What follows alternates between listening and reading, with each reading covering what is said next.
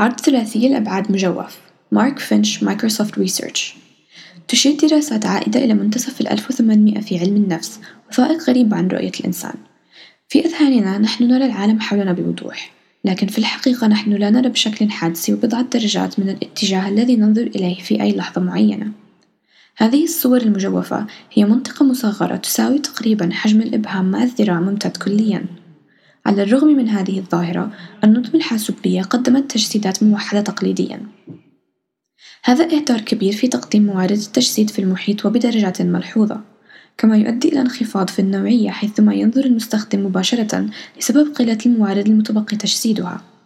يدل هذا النظام على أنه في تركيز موارد التجسيد على موقع عين المشاهد من خلال تقليل التجسيد بالمحيط بعناية يمكن الحصول على نوعية أعلى وتكاليف أقل. مع ظهور تكنولوجيا تتبع العين التجسيد المجوف قابل على تقديم عرض مفصل أكثر بجودات أعلى وميدان أكبر وبوزن أخف وأقل تكلفة واستهلاك للطاقة.